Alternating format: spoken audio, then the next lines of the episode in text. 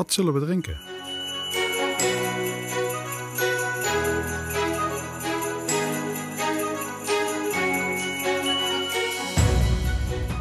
Hey allemaal, welkom bij weer een aflevering van Wat zullen we drinken? De podcast waarin we niet alleen bieren bespreken met een goed verhaal, maar ook het leven vieren in al zijn facetten. Ik ben jouw podcastlijn Bas en vandaag hebben we weer een vers getapte aflevering voor je klaarstaan.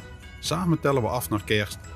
Dus pak het bier van de aflevering uit het vakje, ga lekker zitten en laten we samen het leven een beetje mooier maken. Proost!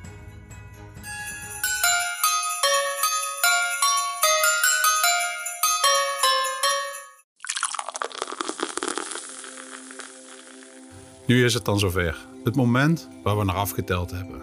Vanavond is het kerstavond. En we zitten met de glanzende fles Zuster Agatha houtgerijpt op tafel. De schemering buiten vecht met de kerstlichtjes binnen voor de aandacht terwijl je het zegel verbreekt van je fles. Het is de 24ste dag, je decemberkalender is leeg. Maar je geduld wordt beloond met dit vloeibare goud. Of ja, zwart beter gezegd. Een vol mout gebrouwen quadrupel met een robijnrode gloed.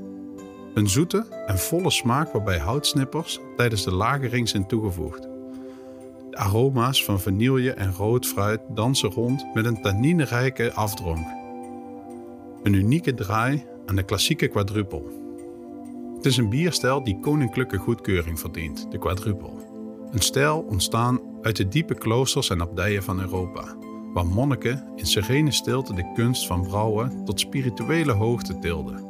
De quad, rijk en donker als een nacht zonder sterren, is het bier dat je slok voor slok moet benaderen, alsof elk glas een hoofdstuk uit een episch verhaal vertelt. Maar wat gebeurt er als je dit klassieke bier een twist geeft? Voeg hout toe aan de vergelijking en je hebt een plotwending waardig voor het grote scherm. Houtgerijpte bier is als een acteur die een rol al jaren speelt en plotseling een geheel nieuwe dimensie van zijn karakter ontdekt. Het hout voegt complexiteit toe.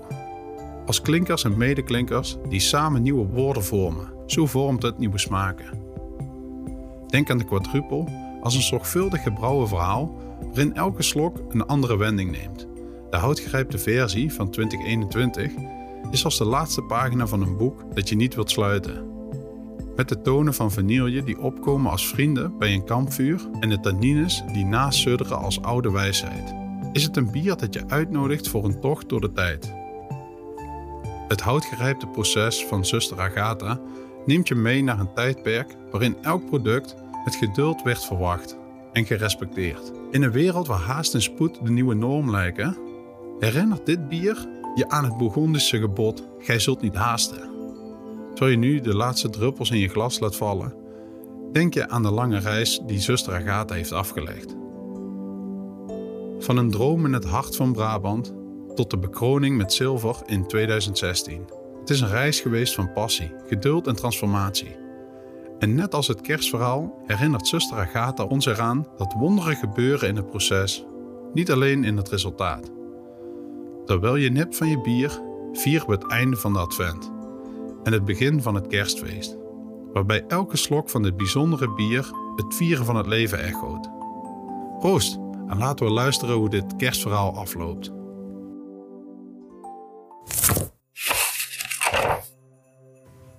Na een ronde van emotionele omhelzingen en warme wensen sloot Jasper de voordeur achter de laatste gast. Hij stond even stil, luisterend naar het zachte geklik van de deur die in het slot viel een symbolische echo van een hoofdstuk dat zichzelf afsloot en een ander dat zich opende. Het kristal om zijn nek leek zachtjes te trillen, een subtiele, maar diep gevoelde vibratie. Het was alsof oma Clara's spirituele aanwezigheid hem een geruststellende knipoog gaf. Een glimlach sierde zijn lippen, een mengeling van melancholie en hoop. Niet iedereen zal dit begrijpen en dat is oké, dacht hij. Zijn vinger streelde het kristal. Ik begrijp het nu en dat is wat telt. Voor diegenen die open stonden voor zijn nieuwe levenswijze, wist hij dat hij veel meer kon zijn dan slechts een vriend of familielid. Hij kon een baken van echte Bourgondische levensvreugde zijn. Een levend voorbeeld van een rijke melange van menselijke ervaring die zo gemakkelijk over het hoofd wordt gezien in de drukte van het dagelijkse leven. Voor zichzelf was de verandering nog diepgaander. Hij was eindelijk de man geworden die hij altijd had willen zijn, maar nooit gedurfd had te zijn. Authentiek, open en vol levenslust. Terwijl de laatste echo's van de feestelijke toast en het gelach van vrienden nog in zijn huis hingen, keek hij naar het kristal en voelde een immense dankbaarheid. Ondanks alle uitdagingen, ondanks alle twijfels, wist hij diep van binnen dat hij het juiste pad had gekozen. Jasper liep naar de open haard en zakte in zijn favoriete stoel. Hij staarde naar de dansende vlammen, zijn gedachten afdwalend naar wat het nieuwe jaar hem zou brengen. Het was meer dan alleen een nieuwe dag of een nieuwe maand. Het was een nieuw begin, beladen met een belofte. De belofte om elke dag als een viering te behandelen, om de tijd te nemen voor wat echt belangrijk is. En om in de geest van oma Clara en de Burgondische geesten elke dag volledig te leven. En met die belofte in zijn hart verwelkomde Jasper het nieuwe jaar. Klaar om te leven en te vieren zoals alleen een echte Burgondier dat kan. Einde.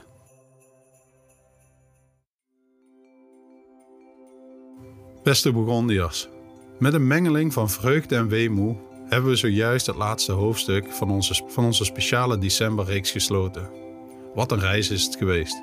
24 dagen, 24 bieren en 24 verhalen die ons hebben samengebracht in deze Burgondische kerstviering van het leven. We willen jullie allemaal bedanken voor het luisteren en het proeven. Zonder jullie zou dit avontuur niet half zo leuk zijn geweest.